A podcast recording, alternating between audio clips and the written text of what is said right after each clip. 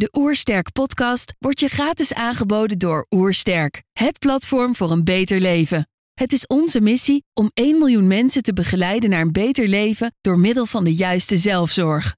Wil je weten hoe jij kunt werken aan een beter leven? Ga dan naar www.oersterk.nu gezondheidscheck voor onze gratis gezondheidscheck en krijg direct jouw uitslag met persoonlijk advies. Ik ben Maurits Brouw, uh, bariatrisch chirurg in het Spaarne Gasthuis en je luistert naar Oersterk podcast.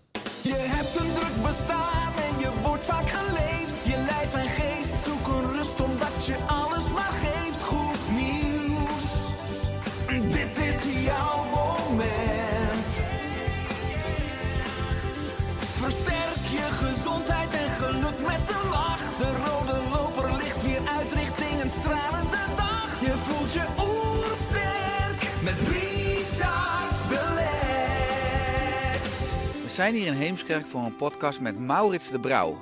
Maurits is chirurg in het Spaarne Gasthuis en gespecialiseerd in complexe kijkoperaties, met name maagverkleiningsoperaties. Hij vestigt ook veel maatschappelijke aandacht op de waarde van preventie van obesitas. Ik ben benieuwd naar zijn tips voor een beter leven. Trouwens, geniet je van onze podcast? Abonneer je dan en laat een reactie of review achter. Zo help je ons om het gezondheidsvirus te verspreiden. Let's start! De Oersterk Podcast. Een ontdekkingstocht naar een beter leven. Maurits, welkom. Dank je. Ik eh, las een mooi stuk uit de Volkskrant uit 2016. En daarin stel je: wij dagen de politiek en de overheid uit om ons werkloos te maken. Door alles in het werk te stellen om overgewicht en obesitas te bestrijden. Met een goed plan moeten volwassenen en kinderen ertoe verleid worden een gezonde levensstijl aan te leren. Dan kunnen wij onze kwaliteiten inzetten voor andere kwalen. Nou, het was een oproep die je toen met een aantal andere bariatrische chirurgen schreef. Hè, omdat jullie de toeloop van mensen die een maagverkleining eh, moesten niet aankonden. Nou, dat was in 2016. Het is nu 2021. Is er iets veranderd in de afgelopen vijf jaar? Ja, Nederland is dikker geworden. Er is nog meer obesitas. Dus 1,7 miljoen mensen hebben nu eh of obesitas. En 3,4 miljoen mensen hebben buikobesitas. En dat is eigenlijk het gevaarlijke soort obesitas. Maar helaas, de trend is nog niet gekeerd. Eh, we dragen nog steeds water naar de zee. We doen nog steeds 30 op- maagverkleiningsoperaties per week. En onze toeloop eh, neemt nog steeds toe tot de operaties. Terwijl we uiteindelijk maar 1 tot 2 procent van de mensen die daarvoor in aanmerking komen kunnen opereren. Dus ons idee was dat de operatie wel effectief is op zichzelf. We genezen veel mensen, eh, ook van, de ziektes die samenhangen van het overgewicht. Maar we lossen het probleem niet op. Dus de instroom, inderdaad, je moet aan de kraan gaan draaien om de toestroom te verminderen, wil je het probleem oplossen. En dat kunnen wij als chirurgen niet. Ja, ik vond het dus een enorme moedige oproep dat jullie als medisch specialisten de politiek en de overheid uitdagen van maak ons maar werkloos. Dat hoor je veel andere beroepsgroepen niet doen. Eh, en, en in dat stuk stond ook om obesitas te vermijden, moeten wij Nederlanders 50 miljoen kilo overgewicht kwijtraken. Wij pleiten voor een politiek en maatschappelijk obesitasoffensief. Tot dusverre tonen politici nauwelijks belangstelling. De obesitaspandemie is een van de grootste bedreigingen voor onze gezondheid. Het leidt tot suikerziekte, hoge bloeddruk, slaapapneu en gewrichtsslijtage. Recent koppelt je overgewicht ook aan het coronavirus, aan COVID-19. Hè? Ja. Ontstaat er nu dan ook meer urgentie vanuit de politiek? Nou, van, niet vanuit de politiek, maar ik merk het wel aan de patiënten. Die zijn veel gealarmeerder. Onze toeloop in de coronatijd is enorm toegenomen. Omdat mensen toch ongerust zijn. Eh, het merendeel van de mensen die op de IC liggen... eh, hebben of, of obesitas of hebben ernstig overgewicht. Eh, en het zijn ook nog mannen. Ehm, en dat zal iets te maken hebben met het buikvet. Wat typisch voorkomt bij mannen in feite. Dus in feite is die hele corona-epidemie ook een soort gemaskeerde obesitas-epidemie. Als we geen obesitas hadden, hadden we ook geen probleem op de IC's gehad. Was het hele probleem veel minder ernstig geweest. Waren veel mensen overleden. Hadden we niet alle overbelasting van de zorg gehad. Ja, want recent schreef je in de Volkskrant ook dat niet het coronavirus, maar onze leefstijl de grootste bedreiging is voor onze gezondheid. De Ja. acht grootste politieke partijen blijken echter weinig effectieve maatregelen te hebben, ook in hun partijprogramma's, waar je indook. Zijn we dus als mens en als mensheid in Nederland ook gedoemd dus om aankomende jaren nog steeds dikker en zieker te worden? Nou ja, wij roepen steeds de politiek op om de handschoenen op te pakken. Uiteindelijk eh, kan je natuurlijk heel veel individuen de schuld geven van obesitas. Maar tot nu toe is die politiek niet erg effectief geweest. Zonder een gedragsverandering maatschappelijk, eh, die gesteund moet worden door de overheid en de politiek. Zonder dat kom je er niet. Dus er moet meer gebeuren dan wat er nu gebeurt. Maar op dit moment begrijpt de politiek dat niet. En ik heb alle partijprogramma's inderdaad onderzocht op hun plannen om obesitas tegen te gaan. En inderdaad, bij de meeste programma's komt het helemaal, überhaupt het hele probleem niet voor. Eh, dus de urgentie en het besef wat er moet gebeuren ontbreekt. Dus ja, we zijn een beetje roepende in de woestijn zonder heel hopeloos te klinken. Maar er gebeurt heel weinig. Ja, Eh, laten we een stukje inzoomen ook voor de luisteraar. Wat is het verschil tussen overgewicht en obesitas? Nou, van overgewicht spreek je met een BMI, Body Mass Index. Dat is ehm, gewicht gedeeld door het kwadraat van de lengte. Eh, tot, dat is normaal tot BMI 25. Eh, als je een BMI boven de 30 hebt, dan spreek je van obesitas. Dan heb je klasse 1, 2 en 3. Tot BMI 35 is klasse 1. Tot BMI 40, 35 tot 40 is 2. En daarboven is morbide obesitas. En dat is klasse 3. En wereldwijd is obesitas nu de grootste eh, doodsoorzaak in de wereld. Heeft eh, roken gepasseerd. Dus er moet wel iets gaan gebeuren. Zijn er op de wereld inmiddels meer dikke mensen dan dunne mensen? Ja, klopt. Ja, het overgewichtprobleem is groter dan het ondervoedingsprobleem. Wat goed is voor het ondervoedingsprobleem. Maar we, lossen daarmee, we komen daarmee in een nieuw probleem. Wat veel ernstige gezondheidsconsequenties heeft in zekere zin. Omdat die obesitas, dat veroorzaakt een soort ontsteking in je lichaam.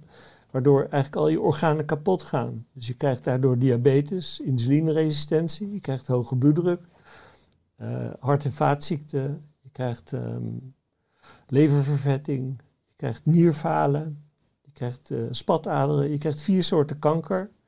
Dat komt allemaal door die ontstekingsreactie die die obesitas eh, veroorzaakt, omdat vetweefsel in feite, met name buikvetweefsel, een soort hormonale klier is. En door die hormonen uit dat vetweefsel word je ziek. Ja, dat is dus eh, nou ja, krachtig wat je zegt. Dat we in de evolutie was er vooral veel schaarste en uithongering. Dat Ja, hebben we steeds minder. We hebben steeds meer comfort. Nou, dat heeft paradoxaal geleid tot welvaartsziektes. We gaan eigenlijk ten onder aan ons eigen evolutionaire succes. Omdat Ja, we slecht kunnen matigen hè, vanuit onze instincten. Je geeft aan dat er dus een koppeling is tussen buikvet en ontstekingshormonen. Ja. Die koppeling met corona, eh leidde dat bij mensen die dus wat, ook mannen die bijvoorbeeld dus een buikje hebben, tot een soort angst van, oh ik moet nu in actie komen, anders beland ik misschien ook wel op de IC. Want dat zijn natuurlijk wel de geluiden die we, die we horen Ja. en de beelden die we zien. ja. Heeft dat ook ertoe geleid dat overgewicht nu een stukje minder is geworden? Want aan de andere kant lees je natuurlijk over de coronakilo's. Dat het alleen maar dat mensen nog dikker zijn geworden het afgelopen jaar. Ja, het wordt niet beter. Door al het sluiten van de sportscholen en dergelijke komen mensen een paar kilo aan. Ik weet niet of die paar kilo nou veel uitmaken, maar de trend is ernstig. 30 jaar geleden zaten we qua obesitas op 5%. In 30 jaar is dat verdrievoudigd. Het zit er nu op meer dan 15%. Dus de trend is de verkeerde kant op. Ja. En ja, daar moet iets aan gebeuren. Ja, er zijn natuurlijk initiatieven. Hè. In 2018 werd er een nationaal preventieakkoord gesloten. Hè. Het doel is om het percentage mensen met overgewicht in 2040 van 51 naar 38 procent te verlagen. Ja. Eh, gaat dit in jouw optiek lukken? Nee, de doelen zijn ambitieus en goed. Alleen als je niet de maatregelen neemt die daarvoor nodig zijn, dan gaat het niet echt opschieten. In dat preventieakkoord staan een paar boterzachte maatregelen die in ieder geval het doel eh, onbereikbaar maken. Er wordt alleen gesproken over het verminderen van wat suiker in de frisdranken. Eh, het is onduidelijk of dat gehaald wordt. Maar voor het overige ontbreken alle stevige maatregelen die, die nodig zijn. Dus wij gaan dat nooit halen. Integendeel, eh ik vrees dat wij nog steeds dikker worden. Uh, ja, ik, je zegt een aantal prikkelende dingen. Uh, ook over frisdrank kom ik zo op terug. Want veel mensen vinden uh, dat de overheid zich natuurlijk niet moet bemoeien met de leefwijze van burgers.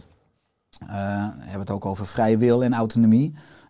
wat is jouw standpunt op dat gebied? zonder overheid gaat het niet lukken. En de overheid heeft als plicht om onze gezondheid te bevorderen. En we kunnen wel doen alsof dat allemaal individuele keuze is. En niet paternalistisch uh, overheid spelen. Maar in feite zijn we nu overgeleverd aan de uh, goeddunken van de industrie, van de voedingsindustrie en de suikerindustrie. En die werken niet de goede kant op. Dus op een gegeven moment moet je toch de verantwoordelijkheid nemen en moet je dat ook gaan reguleren. Um, zoals dat ook is gelukt met roken. Wat natuurlijk de ergste volksvijand was tot voor kort. Uh, in feite moet je ook uh, dat soort in dat soort maatregelen denken om de obesitas-epidemie te bestrijden. Zijn er inspirerende voorbeelden qua landen wereldwijd waar het wel lukt om overgewicht en obesitas effectief aan te pakken en terug te dringen? Ik heb er naar gekeken, uh, maar dat is inderdaad vrij somber. er is geen enkel land ter wereld wat de obesitas toename heeft kunnen keren tot nu toe. En wij zijn nog niet eens de ergste inderdaad in de wereld. Uh, dat is Amerika en het Verenigd Koninkrijk. Er is één land wat tijdelijk uh, lichter, 5% lichter is geworden qua lichaamsgewicht. Maar dat is misschien niet zo'n goed voorbeeld. Het was Cuba in de tijd van een economische crisis, 15 jaar geleden. Toen is de bevolking 5% lichter geworden. Nu wil ik niet zeggen dat een economische crisis dus een goede oplossing is voor dit probleem. Nee, want dan zijn mensen eigenlijk slanker geworden vanuit noodzaak en vanuit pijn. Niet per ja, se vanuit, hongersnood. Ja, Oké, okay, vanuit hongersnood, ja. Uh, want ik vind het wel fascinerend dat uh, als je het hebt over die autonomie en vrije wil van mensen. Ik zou zeggen, als ik wat dikker zou worden, maar ook als dikke mensen nu luisteren, dan denken ze, mogen Richard, ja, makkelijk praten. Maar als ik echt overgewicht zou hebben en ik zou bij jou komen op een consult en dan zou een maagverkleining of een, of een buikoperatie dreigen. Mhm. Nou, die angst is zeg maar groter. Dat zou er bij mij wel voor zorgen uh, dat ik wat ga afvallen of misschien wat gezonder ga leven. Ja. Toch weet iedereen wel cognitief dat ze gezonder moeten eten of Mhm. meer moeten bewegen of meer moeten ontspannen. Ja. Uh, waarom lukt het mensen nou niet in jouw optiek, wat je ook terug hoort in de spreekkamer, om dus bijvoorbeeld zo'n operatie uh, te vermijden, uiteindelijk niet nodig te hebben? Nou ja, als ze bij mij komen zijn mensen vaak 30, 40, 50 kilo te zwaar. En op het moment dat je zo zwaar bent, kan je niet meer terug. Niet op eigen kracht. En we weten de sterke uh, hormonale en biologische uh, regelmechanismen in het lichaam, die altijd weer streven naar het oude te hoge gewicht. Alsof je een thermostaat in je hoofd hebt die afgesteld staat op het tot dan toe gemeten hoogste gewicht. Dus mensen die zo zwaar zijn, komen nooit op eigen kracht terug. Het heeft ook te maken met leptine. Uh, leptine, maar ook um, er, is een, er is een setpoint mm. in feite. En dat heeft met alle hormonen te maken. Je hele stofwisseling verlaagt zich op het moment dat je gaat diëten. Uh, en dat betekent dat je, als je echt een goed dieet volgt, moet je eigenlijk blijvend tussen 700 en 1000 kilocalorieën minder per dag eten. Dus dat betekent de hele maaltijd minder. En mensen kunnen niet goed leven met honger. Een hele dag honger hou je niet vol. Mm -hmm. Dus die regelmechanismen van het lichaam het in feite onmogelijk om blijvend af te vallen. Ja, je zegt dus onmogelijk. Je zegt bij die groep die 40, ja. 50 kilo overgewicht heeft, is er een deur dichtgevallen. Staat niet meer klopt. op een kier. Ja, klopt. Is niet meer reprogrammeerbaar. Nee, klopt. Dus je moet voorkomen dat je dik wordt. Eigenlijk is dat de enige oplossing. Ja, voor mij zag je dat ook op dat natuurlijk echt je vier programma obese. Dat mensen, Ja, dat mensen Ja. wel met, met, met een diëtist en een personal coach Ja. enorm veel afvallen. Maar als je kijkt naar waar die mensen na een jaar weer staan, Klopt. dan hebben ze hetzelfde of zelfs zijn ze nog meer aangekomen. Dus Dat, dat is het hele verhaal van het yo-yoen en het afvallen en het diëten. Betekent altijd tijdelijk. Je moet altijd iets doen wat je hele rest van je leven volhoudt, anders heeft het geen zin. Als jij eh, tijdelijk kan je prima afvallen, maar op het moment dat je daarmee ophoudt en weer overgaat tot de orde van de dag, kom je gewoon weer aan tot je oude hoge gewicht of nog meer, zoals je zegt. Dus wat dat betreft is diëten en dat soort dingen, alle tijdelijke maatregelen werken eigenlijk niet. Maar tot hoeveel kilo is het wel reprogrammeerbaar? Ja, Is eh, dat dat heeft te maken met het aantal kilo's en de tijd dat je te zwaar bent waarschijnlijk. Dus als je heel kort te zwaar bent, dan kan je wel weer terug. Maar waar die omslag zit, weet ik niet precies. Oké, ja. Daar hebben we geen inzicht in. Maar want jij ziet natuurlijk dan patiënten die natuurlijk al eh, aan het eindspectrum zitten. Terwijl er is natuurlijk ook in de gezondheidszorg niet echt een preventie-obesitas-team. Wat ervoor zorgt dat als mensen 10 kilo overgewicht hebben, dat ze dan al Nee, dat klopt. aandacht gaan krijgen. Nou ja, ik heb net onderzocht wat nu eh, de gecombineerde leefstijlinterventie oplevert. Die sinds 2019 vergoed wordt door de GLI verzekeraar. in het pakket, ja. En dat levert dus ook bijzonder weinig op. In feite zijn er een aantal onderzoeken die tonen aan dat het wel nuttig is. Dat je meer dan 5% van je totale lichaamsgewicht kan kwijtraken. Wat überhaupt niet veel is. Mhm. Maar dat zijn zwaar geselecteerde patiënten. Die hebben allemaal testen moeten doen.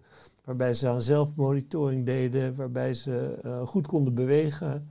En mm, de gemiddelde mens kan niet zo goed zelf monitoren. En die kan ook soms niet zo goed bewegen. Dus als je het dan weer trekt naar de normale wereld. En dan kijkt wat die gecombineerde leefstijlinterventie oplevert.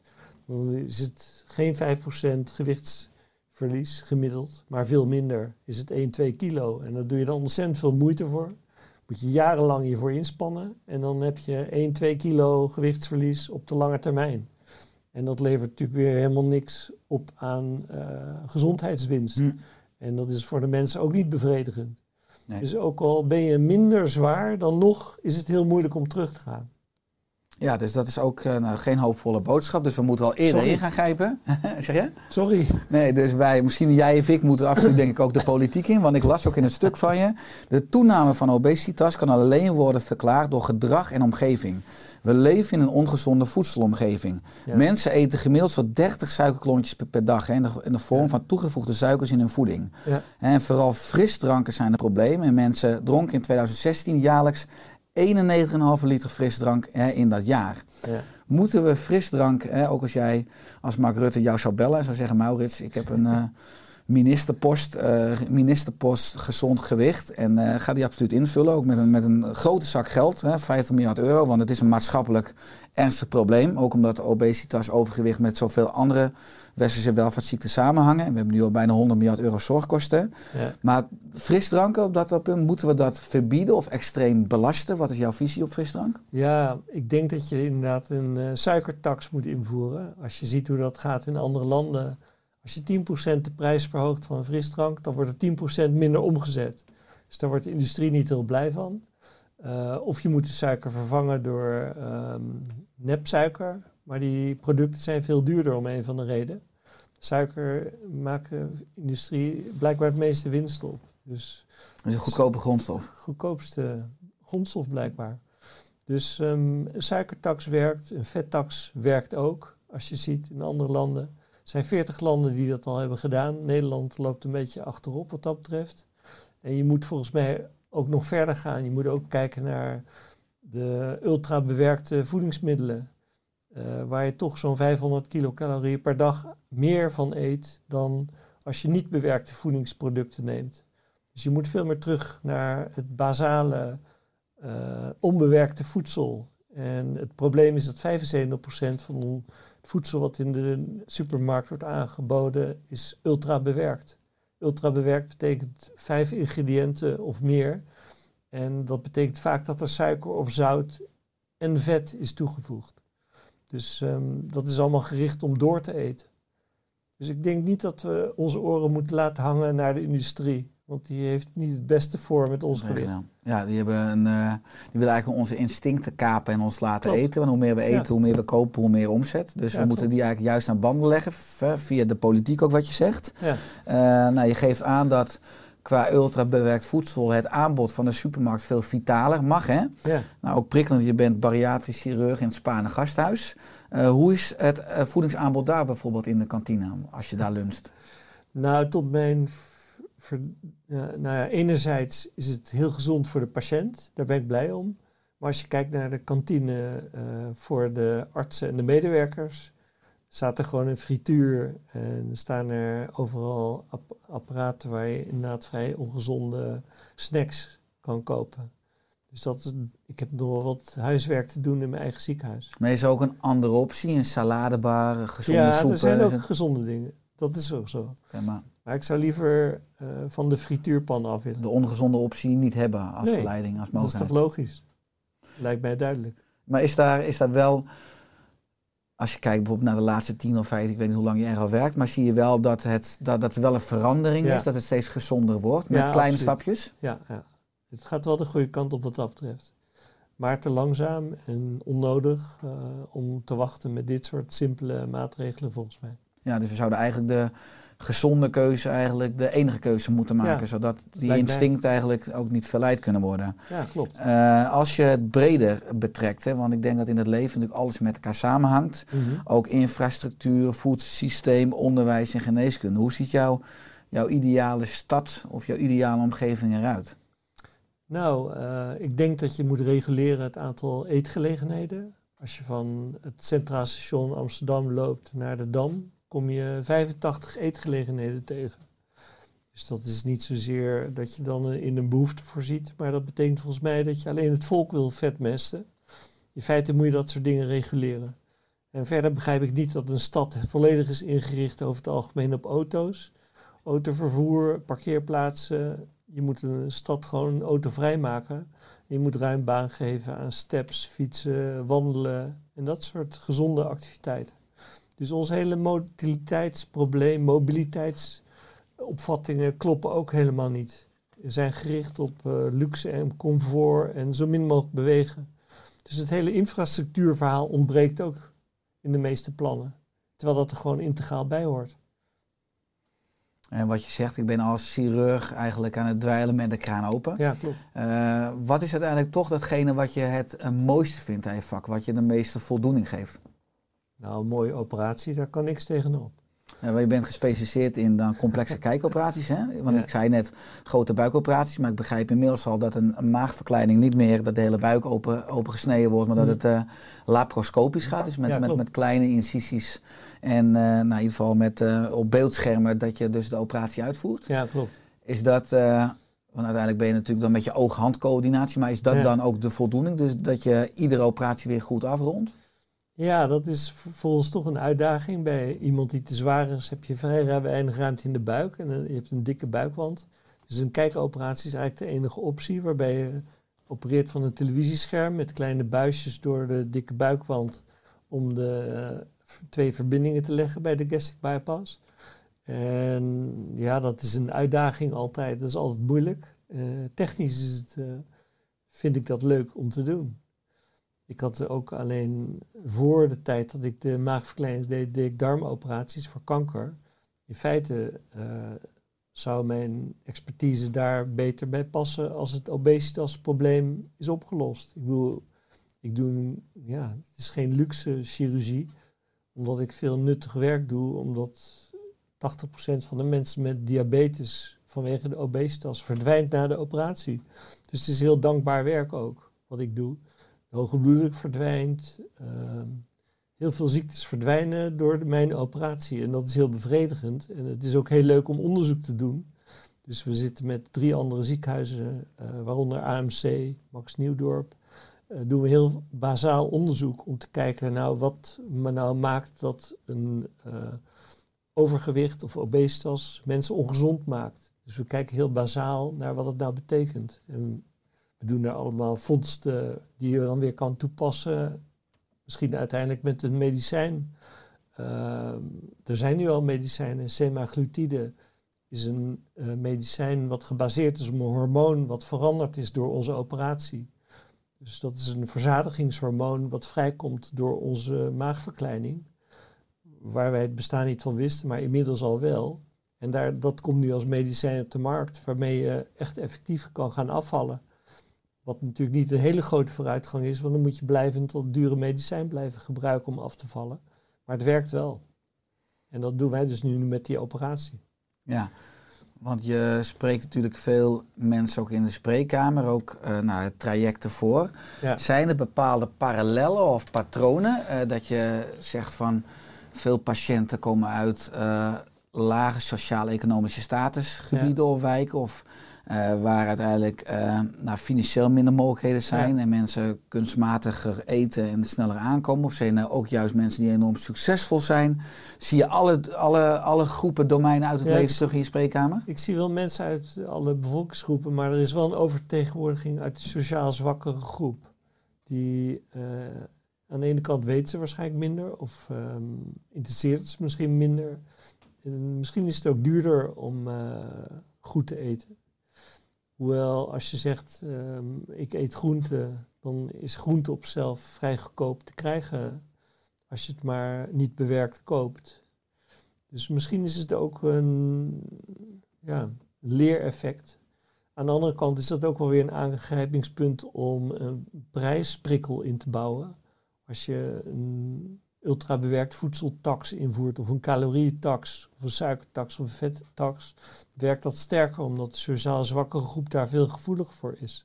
Dat zou een argument zijn om dat juist wel in te voeren. Ja, dus juist ongezond voedsel veel duurder maken Ja, en relatief gezonde voeding veel goedkoper Klopt. maken. Of eventueel vrijstellen van ja BTW. klopt. Ja.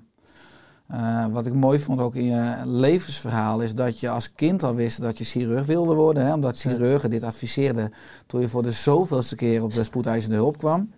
Eh, hoe kwam het als kind zijnde dat je zo vaak richting spoedeisende hulp moest? Ja, ik woonde op een boerderij en we klommen altijd in bomen en daar vielen we dan weer uit. En we gooiden met stenen en dat ging wel eens mis. En ik kreeg wel eens een paal in mijn been of ik viel van een paard. Eh, ik was wel eh, accident prone. Om een of andere reden. Mhm.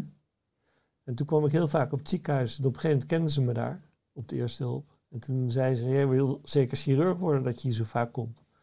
En dat viel, het kwartje viel toen ik pas het boek las van Christian Barnard, de hartchirurg die de eerste harttransplantatie deed. Toen dacht ik, nou, dat lijkt me wel een leuk vak. Zo is dat gekomen. Heb je dat, dus dat wist je eigenlijk al toen je geneeskunde ging studeren? Had je al, zeg maar, al Ja, droom om, chirurg te worden? Heb je tijdens al je kooschap en al je ervaringen in die geneeskundeopleiding altijd, is dat doel helder Ja. nog voor ogen gebleken? Ja, zeker. Ja.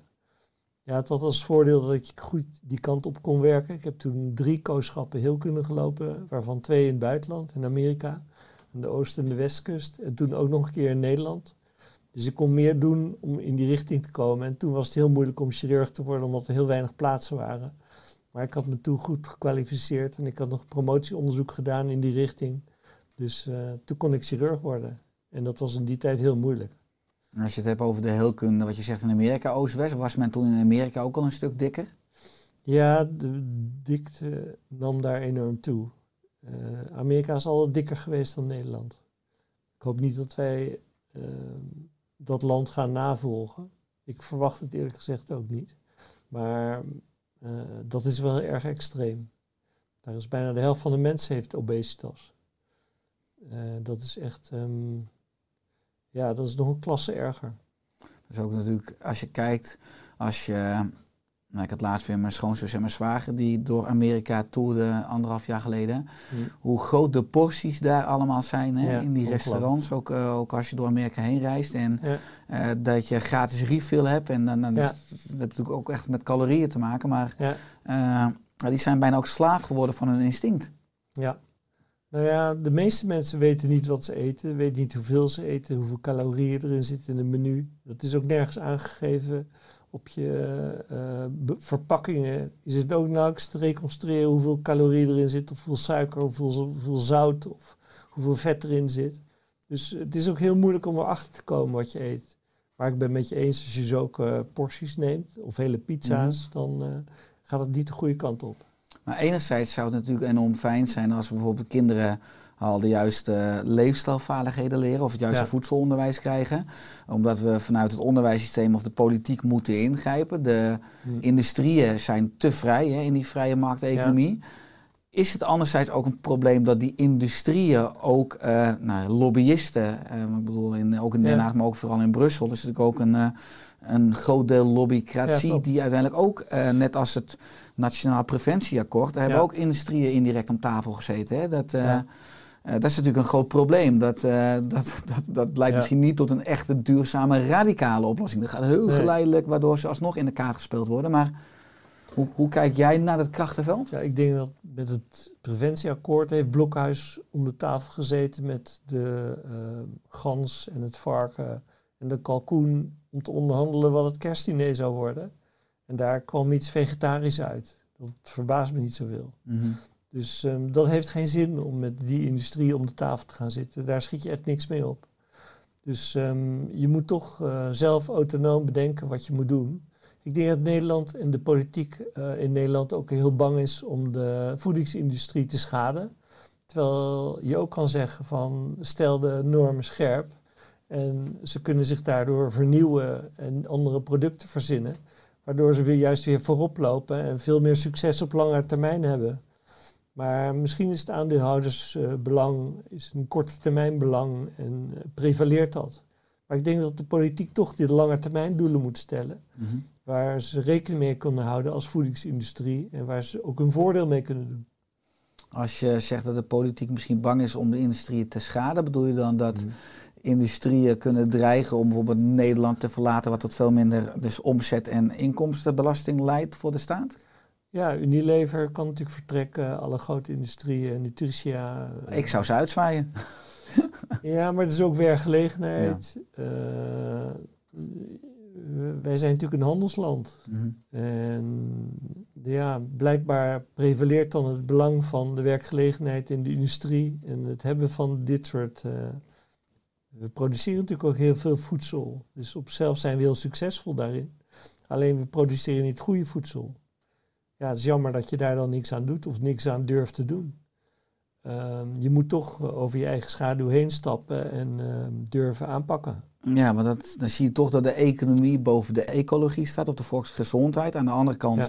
is het dan natuurlijk een beetje een pijnlijke paradox nu ook, dat dat heeft geleid tot enorm veel overgewicht, tot obesitas, tot enorm verzwakking van immuunsystemen, wat nu met het coronavirus weer duidelijk wordt. Ja. Krijgt eigenlijk dus de politiek eigenlijk dan ook een eindafrekening gepresenteerd van een soort falend beleid? Ja, lijkt mij wel. Alleen ze realiseren zich dat niet. En ze worden er ook blijkbaar niet op afgerekend. Nee, Dat besef ontbreekt nog. Dus er is nog veel werk te doen wat dat betreft om dat duidelijk te maken. Ja, eh, wat ik mooi vind ook aan, eh, aan jou, je transparantie, je eerlijkheid. Ik las op de website van het Nederlandse tijdschrift voor geneeskunde een interview met jou. En daar kreeg je een aantal vragen, maar ook de vraag: eh, wat is de grootste vergissing in je loopbaan geweest? En je antwoordde: ze stoppen met werken eh, toen ik chirurg was in 2000 en je werd toen huisman. Eh, hoe was dat toen? En, want je stopte mede omdat je als chirurg gedesillusioneerd was. Ja, dat was in de tijd van de lange wachtlijsten. Ik had toen mijn langste op de wachtlijst staande patiënt opgebeld. Een persoon, een vrouw met galstenen. Die stond drie jaar op de wachtlijst. En die had elke maand een aanval. Mm. En ik kon dus in die tijd te weinig mensen opereren, omdat we te weinig capaciteit hadden eh, om dat te doen. En eh, ik kon alleen maar mensen op de wachtlijst zetten. En we hadden een enorme wachtlijst. Dus we konden helemaal niet uit de voeten. En toen dacht ik, eh, ja, ik werd daar gefrustreerd van. En ik zag het niet meer zitten, eerlijk gezegd. En toen dacht ik van, nou, dan stop ik ermee. En dat was natuurlijk een heel domme beslissing, want ik, wilde, ik vond het werk toch wel heel leuk. Toen ben ik er wel in geslaagd om chirurg te worden in België. En in België was een heel ander systeem, waren geen wachtlijsten. En toen kon ik de Nederlandse patiënten weer in België opereren, net over de grens. Ik woonde toen in Maastricht, of daar vlakbij. En ik werkte toen in ehm, Genk, een groot ziekenhuis. En daar opere- opereerden dan weer Nederlandse patiënten. Dus uiteindelijk is dat weer goed gekomen. Maar ik heb wel toen inderdaad eh, een boekje geschreven over waarom dat nou fout ging in Nederland. En dat bleek te liggen aan het eh, eh, vergoedingssysteem. Een ziekenhuis kreeg een zak geld en moest daar de zorg voor leveren. En mijn operaties waren vrij duur. De kijkoperaties, om, terwijl mensen wel heel snel buiten het ziekenhuis stonden. En voor het ziekenhuis was mijn operatie niet heel aantrekkelijk, omdat we heel veel patiënten konden helpen, wat eigenlijk de bedoeling was. Maar het kostte ze ook veel geld en da- daar kwamen ze dan niet meer uit. Dus het was een heel eh, tegenstrijdig systeem. En in België was het omgekeerde, werd je betaald per operatie. En dat heb ik toen vergeleken in een onderzoek wat dat Belgische ziekenhuis aan patiënten kon genezen versus 20 Nederlandse ziekenhuizen. En dat bleek met dezelfde hoeveelheid personeel twee keer zoveel te zijn. Door dat financiële systeem wat ik toen begon te begrijpen toen ik dat onderzoek had gedaan. En toen mocht ik komen bij de minister van VWS in Nederland, eh Hogevorst, om uit te leggen hoe dat nou zat. Want dat begreep hij niet. Dat wilde hij eigenlijk ook wel in Nederland. En toen is langzaam eh, dat systeem ook in Nederland veranderd. En toen werd het wel weer leuker om in Nederland te werken, om die hele verandering mee te maken. Dus toen heb ik, eh, nou, met veel plezier weer in Nederland, eh, ben ik weer chirurg geworden. Mooi, wat is de titel van het boekje? De wachtlijst en andere gezondheidszorgen. Kunnen mensen ook vinden als ze daarop gaan zoeken? Is dat verkrijgbaar? Ja, ik weet niet of het nog verkrijgbaar is. Van Oorschot is de uitgever. Oké, leuk. Nou, het boekje ben ik ook niet tegengekomen in mijn zoektocht, dus ik ga, ik ga zeker even zoeken. Eh, want je, je bent toen weer in Nederland gaan werken. Ja. Je werkte ook in het Slotervaartziekenhuis. Ja, Dat ging failliet. Eh, daarna ging je naar het Spaanse gasthuis, ja. eh, waar enorm veel moest worden aangepast. Hè? Want je moest bredere stoelen hebben in de wachtkamer. Daar heb ik ook niet per se over nagedacht. Maar echt, waarschijnlijk morbide, obese patiënten passen niet in een gewone stoel. ja klopt. Je moest bredere onderzoekstafels hebben, stevige operatietafels tot nieuwe wc's. Hè, want die zwevende wc's waren ook geen goed idee bij obese mensen, begreep ik. Ja. Hoe, hoe was die transitie? Ja, het was een enorme operatie in feite. En wij zijn met een heel team overgekomen. Eh, in ieder geval vier chirurgen en twee internisten en twee anesthesisten en nog OK-personeel. dus het was echt een transplantatie van een afdeling. En Maar dat was een team dat al op elkaar ingespeeld was. Dus Ja, eigenlijk dat- wel heel dat fijn dat het hele team dan... Nou ja, we moesten ook de lokale mensen opleiden. Want er moeten meer anesthesisten zijn die dat vak kunnen. Ja. En de OK-assistenten moeten opgeleid worden. En de psycholoog hadden we niet meegenomen. De diëtisten maar voor een klein deel. Dus iedereen moest wel opgeleid worden. Eh, maar dat ging ehm, prima in feite. Het is volgens mij nog nooit vertoond dat een hele afdeling is verplaatst naar een ander ziekenhuis in Nederland. Maar dat is toen heel goed gelukt, omdat het Spaarne Gasthuis daar alle medewerking aan eh, gaf. En ook een prioriteit en een projectteam. En toen zijn er in een hele korte tijd heel veel veranderingen hebben plaatsgevonden. Waaronder verbouwingen, ook van de poli. En alle spullen die we nodig hadden zijn toen eh, ja, daar neergezet. Dus wij konden toen vrij snel eh, weer de zaak oppakken wat ook nodig was. Want er liep iets van 8000 door ons geopereerde patiënten rond. Die op dat moment geen nakontrole had. En dat is wel belangrijk omdat ze kans hebben op uh, vitaminetekorten. Ze moeten natuurlijk jaarlijks gecontroleerd worden. Of geen tekorten optreden. Dus we moesten die hele zorg voortzetten in, in no time in feite. Zonder een gat te laten vallen.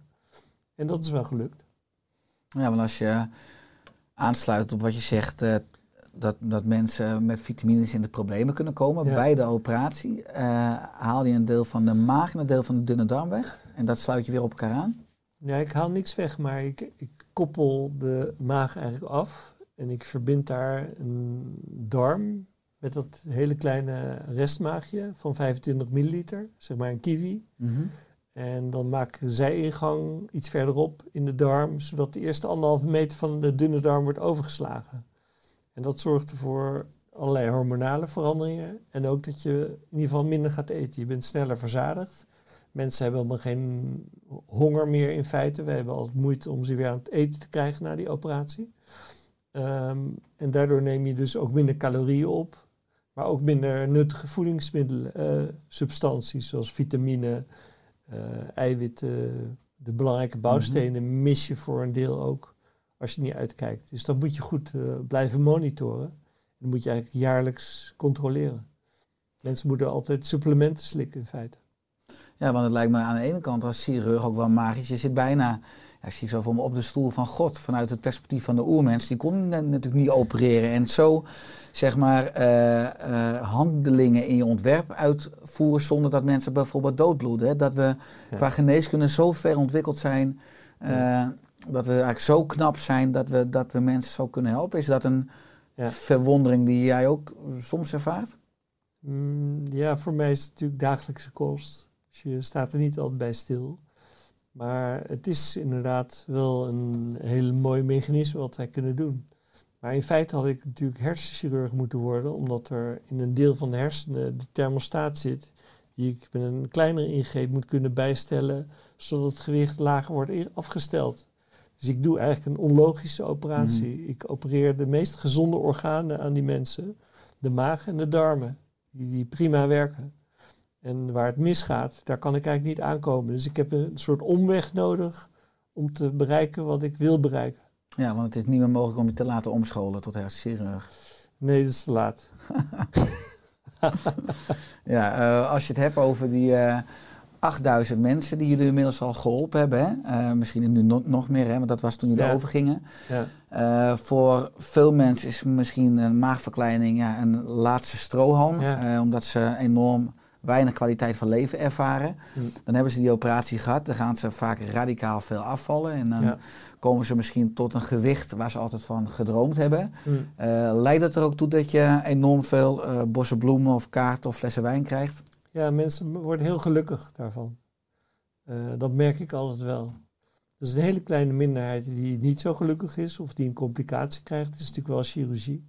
En een nog kleiner gedeelte, gelukkig 1 op de, of 2 op de 10.000 overlijden eh, aan de operatie. Dat komt ook vaak doordat ze oorspronkelijk al heel ziek zijn voor de operatie. Als je hartfalen hebt en diabetes heb je natuurlijk bij een complicatie meer kans om te overlijden. Maar het blijft een operatie.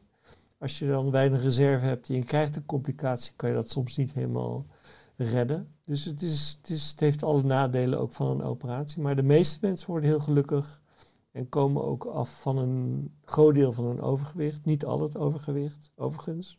Maar ze kunnen wel weer gaan sporten en bewegen en hun kinderen bijhouden. Pas weer in een normale vliegtuigstoel eh, of in een. eh, nou ja, ze kunnen weer normaal gaan leven in feite. En ze zijn vaak verlost van de ziektes die samenhangen met hun overgewicht. Dus over het algemeen zijn mensen heel gelukkig na onze operatie. Maar niet iedereen eh, slaagt. Er zijn ook, is ook een percentage wat niet lukt. Zeg zo'n 20% komt op de lange termijn toch weer te veel aan. Eh, gemiddeld gesproken val je in 20 jaar een kwart van je totale lichaamsgewicht af. Ehm, en 20% komt te veel aan. Dus dat is een eh, groep die faalt. En die vervallen weer in een oude te hoog gewicht. Nou, 1 op de 5, maar 4 op de 5 is Ja. dus die andere kant. Als je het hebt over die complicaties. Ehm, is het wel eens gebeurd dat een patiënt dus op de operatietafel eh, onder jouw handen extreme complicaties krijgt of overlijdt? Nee, nee het is eh, vaak na de operatie, als de naden, als de verbindingen die wij aanleggen, als die gaan lekken, eh, dat is altijd op la- lange termijn na de operatie. Maar gaan ontsteken en daardoor gaan lekken, is dat Ja. zo'n mechanisme wat er over achter zit? Als het niet geneest, dan gaat het lekken en dan krijg je, omdat de darminhoud in de buik komt, krijg je buikvliesontsteking en daar word je heel ziek van. En bij deze, dit soort mensen merk je dat eh, moeilijker dan bij andere mensen. Ze hebben minder eh, ontstekingsverschijnselen. Dus je moet veel beter opletten op hun pols. En nou ja, we hebben een aantal andere parameters waar je moet Verticale parameters, ja. Ja, Ja. Ja, als je het hebt over nou, die fantastische werkzaamheden wat je doet en dat je ook te maken hebt met patiënten bij wie het niet op tijd gelukt is om, om bij te sturen met gezonde leefstijl, Ja. heb je zelf ook een soort eh, blauwdruk eh, om balans te houden in jouw leven, ook op het gebied van leefstijl? Nou, ik ben wel bewust. eh, ik eet heel weinig vlees. Ik sport elke dag, ongeveer anderhalf uur. Wat is dat sporten voor jou? Ja, ik fiets altijd naar mijn werk. En dat is eh, ongeveer 50 kilometer per dag. En soms meer. Eh, en ik ben kitesurfer, dus ehm, ik sport eh, genoeg. Maar dat is ook nodig voor mijn vak, omdat wij vaak de hele dag staan. In mijn vak moet je gewoon fit blijven, anders hou je het niet vol. En we werken ook s'nachts, dus je moet, ehm, ja, je moet een goede gezondheid hebben en niet te dik zijn en goede conditie hebben. En daar zorg ik gewoon voor. Ja, maar als je het hebt, wij werken ook s'nachts, is dan een spoeddienst bedoel je? Ja, ja. Ja. Ja. We werken één op vier nachten moeten we, doen we dienst. En moeten we ook, eh, zijn we oproepbaar.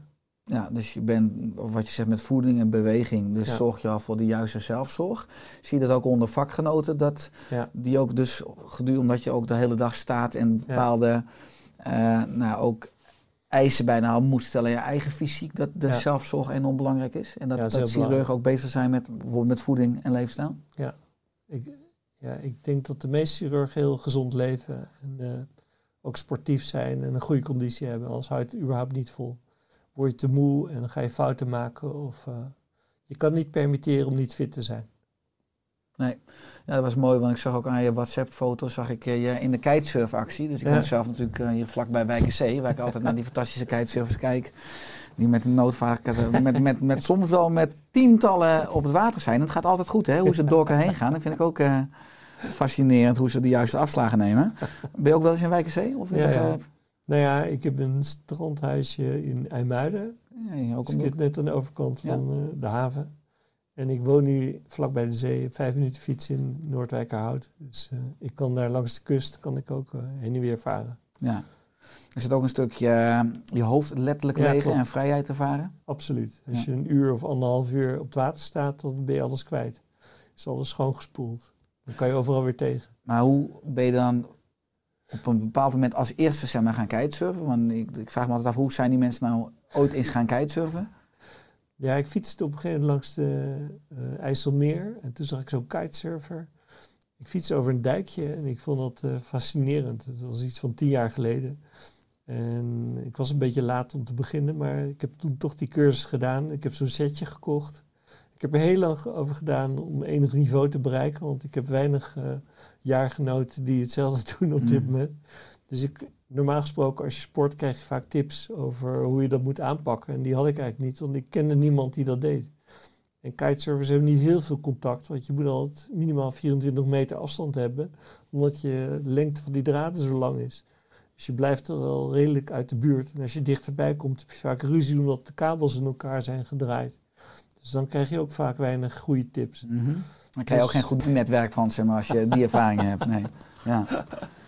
Ja, ik was afgelopen weekend eh, weer eh, lekker op het strand van Wijkzee aan het uitweiden. Toen kwamen we wel vier vrienden aanlopen die gingen kiten. Ja. Wat ik wel grappig vind, is die stallen al hun spullen uit en dan gaan ze natuurlijk met z'n vieren zeg maar, de kite oppompen Ah, ja. waarschijnlijk. Maar dat zie je, ze- je zag ze synchroon met z'n vieren. het was bijna kunst. Die, eh, ja, als je het hebt over al die ervaring ook in de zorg afgelopen jaren. Wat is nou het gekste wat je hebt meegemaakt, wat op jou veel indruk heeft gemaakt? Het gekste. Want nogmaals, je bent bij minister Hoogvorst geweest. Je bent in België. Ik heb zelf zes maanden stage gelopen in Aalst. Vond ik ook fantastisch om te kijken hoe ze ook in ziekenhuizen qua communicatie... dat het heel anders gaat dan op de vuur in Amsterdam... waar ik toen mijn opleiding deed. Maar je hebt natuurlijk enorm veel ervaringen in die jaren opgedaan. Ook in media. Hmm. Eh, nou, ik vond het heel leuk. Eh, ik heb mijn opleiding. Ik vond het heel leuk om een boekje te schrijven over de Nederlandse gezondheidszorg toen ik daarin was vastgelopen. Omdat ik zo lange wachtlijst had. Ik had me nooit in mijn studie kunnen verdiepen in hoe dat systeem nu werkte. En hoe dat nou ook fout liep. En daar heb ik me in verdiept. Ik heb dat boekje geschreven en toen heb ik iets van 30 lezingen kunnen houden voor allerlei gezelschappen om te vertellen hoe het nou in elkaar stak. Dus ik kende de praktijk, daar was ik in opgeleid, maar ik had geen idee van hoe dat systeem daarachter nou werkte en hoe die prikkels in elkaar zaten. En dat was heel boeiend en daardoor ben ik ook eh, gedeeltelijk in de politiek wel actief geweest. In partijcommissies om uit te leggen hoe dat werkte. En Tweede Kamerleden heb ik veel gesproken over hoe, hoe het werkt in de praktijk. En dat was, dat was eigenlijk een hele leuke verrijking van het normale artsbestaan. Je ziet niet veel specialisten, medisch specialisten in de Tweede Kamer. En ehm, dat is een gebrek, dat is een tekort. Ja, dus dat is een probleem, omdat daarmee... eh, zeg maar, die mensen die nu in de politiek zijn zo ver af van de dagelijkse Ja. praktijk... dat daar niet, bijna niet het juiste beleid uit kan Ze voortkomen. hebben geen idee, over het algemeen. Terwijl ze wel eh, leiding geven aan de hele vo- eh, volksgezondheid en een van de grootste posten. Je kan dat niet aan ambtenaren overlaten. Daar moet politieke sturing achter zitten en er moet een visie achter zitten. En dat ontbreekt op dit moment nog te veel. Is die politieke visie wel bijvoorbeeld meer aanwezig in een land als Nieuw-Zeeland, waar je natuurlijk ook veel positieve geluiden over hoort? Over Weet hun- ik niet. Ik, ik ken het niet helemaal. Ze hebben wel hun eh, coronacrisis veel beter eh, aangepakt dan wij. Het is natuurlijk wel een eiland, dus het kan ook wel iets makkelijker. Maar Ja, ze hebben lockdown in het begin, ja. sneller, eh, heftiger ingegrepen. Veel snellere lockdown. En ze hebben ook veel minder problemen gehad. En ook veel minder economische schade. Dus eh, dat hebben ze in ieder geval veel beter gedaan dan wij ooit hebben kunnen bedenken. Ja, ze doen wereldwijd het beste op dat gebied, zeker. Ja, absoluut. Eh, wat is je missie of je droom voor aankomende jaren? Ehm, het goed overdragen aan de volgende generatie artsen. En ze bijbrengen hoe het werkt. En ehm, ja, dat je ook je maatschappelijke betrokkenheid eh, moet tonen om verder te komen. Je kan niet alleen patiënten blijven genezen. Ik denk dat dat een eh, les is die ik moet zien over te brengen op mijn eh, eh, opleidingsassistenten en chirurgen die na mij komen. Ja, mooie, mooie missie. Als je het hebt over het belang, zeg maar, ook om het volk te bereiken. Enerzijds heb je natuurlijk de politiek, maar we hebben natuurlijk ook zeg maar, de mainstream media. Ja. Wordt daar voldoende aandacht aan besteed? Is daar voldoende urgentie of interesse om ook dit onderwerp zeg maar, aan bod te laten komen? Met ook praktische voorbeelden, hoe je dat kunt voorkomen? Nou, qua obesitas is het heel moeilijk. Eh, de tijd is blijkbaar nog niet helemaal rijp. Mhm. Of, ehm, er is nog niet heel veel urgent gevoel voor urgentie. En de rol van de overheid is niet heel duidelijk. Ehm, en de politiek pakt het dus ook niet zo erg op. Dus daar ben ik niet tevreden over. Daar moet nog wel veel gebeuren.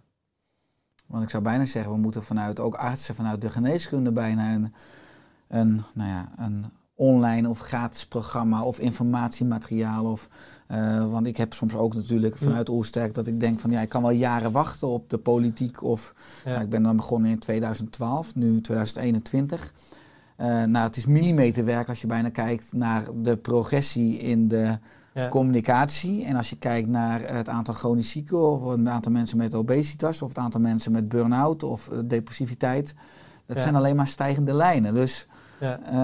eh, ja, blijkbaar eh, zijn we ook niet zo heel goed bezig met die nationale impact om die massa te bereiken. Want dat blijft het. Nee. Je hebt altijd een niche die Ja. uiteindelijk wel ja, proactief en preventief zeg maar, ook wil investeren, Mhm. tijd, energie, geld, om gezond te blijven of gezonder te worden. Ja. Eh, maar de massa bereiken, wat uiteindelijk een verantwoordelijkheid is van al die domeinen die eigenlijk moeten gaan samenwerken met Ja, dezelfde klopt. intentie, Ja. dat is nog steeds niet gebeurd. En ik, Nee, ik heb ook geen goed voorbeeld in de wereld. Ik vind wel dat we qua roken zijn opgeschoten. Het aantal rokers is gehalveerd in de laatste twintig jaar. en vanuit de politiek ook een goed beleid natuurlijk En richting is ook weer 2030. stringent beleid op gevoerd. En dat is ook nodig. Je kan zonder dat niks bereiken. Voor mij wordt in 2040 hè, de eerste rookvrije generatie die opgroeit. Ja, Maar ja. is dat, dat de intentie nu eh, bij de politiek eh, met betrekking tot het anti-rookbeleid? Ja. Nou, de intentie die al uitgesproken is. Maar eigenlijk hadden we eerst alcohol en nu hadden we roken. Ja. Maar eigenlijk suiker, daar is nog het minste bewustwording over. En ook het Klopt. minste beleid. Ja. Dus die zal misschien dan daarna komen. ja, klopt. Ja. Dat denk ik ook. Denk je het nog mee te maken? Eh, als ik lang genoeg leef wel. Ja, dat is de intentie. Laten we het hopen inderdaad, Maurits. Ja. Eh, is, er, eh, is er aan het einde van de podcast nog iets wat je graag wilt toevoegen? Nee. Heb jij nog iets te vragen? Nee, ja, wat ik zeg, ik vind het enorm. eh, ik ben enorm blij dat je in de Oerstuk podcast wil zijn. Ik vond het enorm eh, moedig en prikkelend dat je als medisch specialist eh, maar zo Ja. op die barricade staat. Want er zijn genoeg vakgenoten die zich niet per se laten horen, maar ook natuurlijk Ja. enorm krachtig dat je zegt: politieke overheid, maak mij maar werkloos. Want nogmaals, Ja. ik ben veel liever bezig met in die darmtumoren of Ja. eh, op gebieden waar ik eh, misschien nog veel meer impact kan maken. Ja. Dat, dat dit werk niet meer nodig is, want het is dweilen met de kraan open. Ja. En eh, ja, het is toch natuurlijk aan de enerzijds wel een stukje onvoldaan gevoel, omdat wij ook hier nu een uur kunnen filosoferen, kunnen discussiëren, maar dat ja, er ook maatschappelijk nog weinig echt duurzaam in beweging is. Ja. We kunnen het blijven agenderen. Ja. En deze podcast gaat ook weer door tienduizenden mensen beluisterd worden. Ja. Eh, maar we zijn toch met z'n allen verantwoordelijk voor nou ja, de, de vitale aarde en de vitale mensheid. Ja. Eh, en eh, ja, dat stukje obesitas overgewicht wordt steeds urgenter. Nou, ik vind het leuk dat je dit doet op deze manier, met deze podcast, waarbij je toch weer een vrij groot publiek kan bereiken. En dat is toch de enige manier om te doen. Dat is toch de weg om te gaan. Met mijn eh, ene patiënt of vijf of zes patiënten per dag die ik kan helpen, eh, bereik ik toch ook te weinig, in ieder geval maatschappelijk. Ja. Dus ik denk dat we onze activiteiten moeten koppelen. Blijf je ook, want nogmaals, ik denk dat deze boodschap die je hier verkondigd hebt, ja, afgelopen jaren misschien al tientallen of honderden keren verkondigd. Blijf je dus ook energie houden om uiteindelijk eh, steeds weer diezelfde boodschap te blijven verkondigen? Of denk je ook soms van, nou, ik geef het op, want eh, dit, is, dit, dit schip is gewoon aan het zinken en eh, ik kan het niet meer redden. Nou, als ik zo depressief word, dan eh, hou ik ermee op. Maar ehm, tot nu toe zijn er altijd wel weer hoopgevende elementen. En ik, ik hou toch wel weer hoop. Ik bedoel, het besef moet er wel nog wel doordringen. Maar er zijn toch ook wel weer veel geluiden waar je voel, door gesteund voelt. Ook al gaat het niet onmiddellijk beter. Ik, ik houd hoop. Mooi, ja, ik met jou hoor. Als mensen nou meer informatie willen vinden of zoeken over jou, je noemde net al wat over de suikertax en de vettax, wat ook uit de Obesitas Stichting hè, Ja. eh, voortkomt, de Nederlandse Obesitas Stichting. Dus als mensen meer informatie willen hebben over overgewicht, over obesitas, heb je bepaalde websites of bronnen die mensen dan kunnen raadplegen? Nou, de Obesitas, Nederlandse Obesitas Stichting is een platform met name voor voorlichting. Ehm, en dat vind ik een heel goed initiatief. En die willen dat gat eh, graag opvullen. En die willen mensen graag helpen. Dus dat is de weg te gaan. Mooi. Dankjewel Maurits, nogmaals voor je komst in de onze podcast. En eh, nou ja, dank ook voor je, voor je goede werk en het agenderen van dit belangrijke punt met betrekking tot eh, overgewicht en obesitas en een gezonde leefstijl. En ik hoop oprecht dat we samen nog uh, aankomende jaren gaan meemaken dat we ook vanuit de politiek, Hm. uh, hopelijk ook vanuit universele verantwoordelijkheid vanuit industrieën, maar dat we met z'n allen gewoon uh, de mensheid en de aarde slanker, vitaler en, en groener en duurzamer gaan maken. Eens. Dankjewel. En alle goeds aan komende jaren nog, zowel met de activiteiten als chirurg als de activiteiten als, als kitesurfer. Dank je. Dankjewel.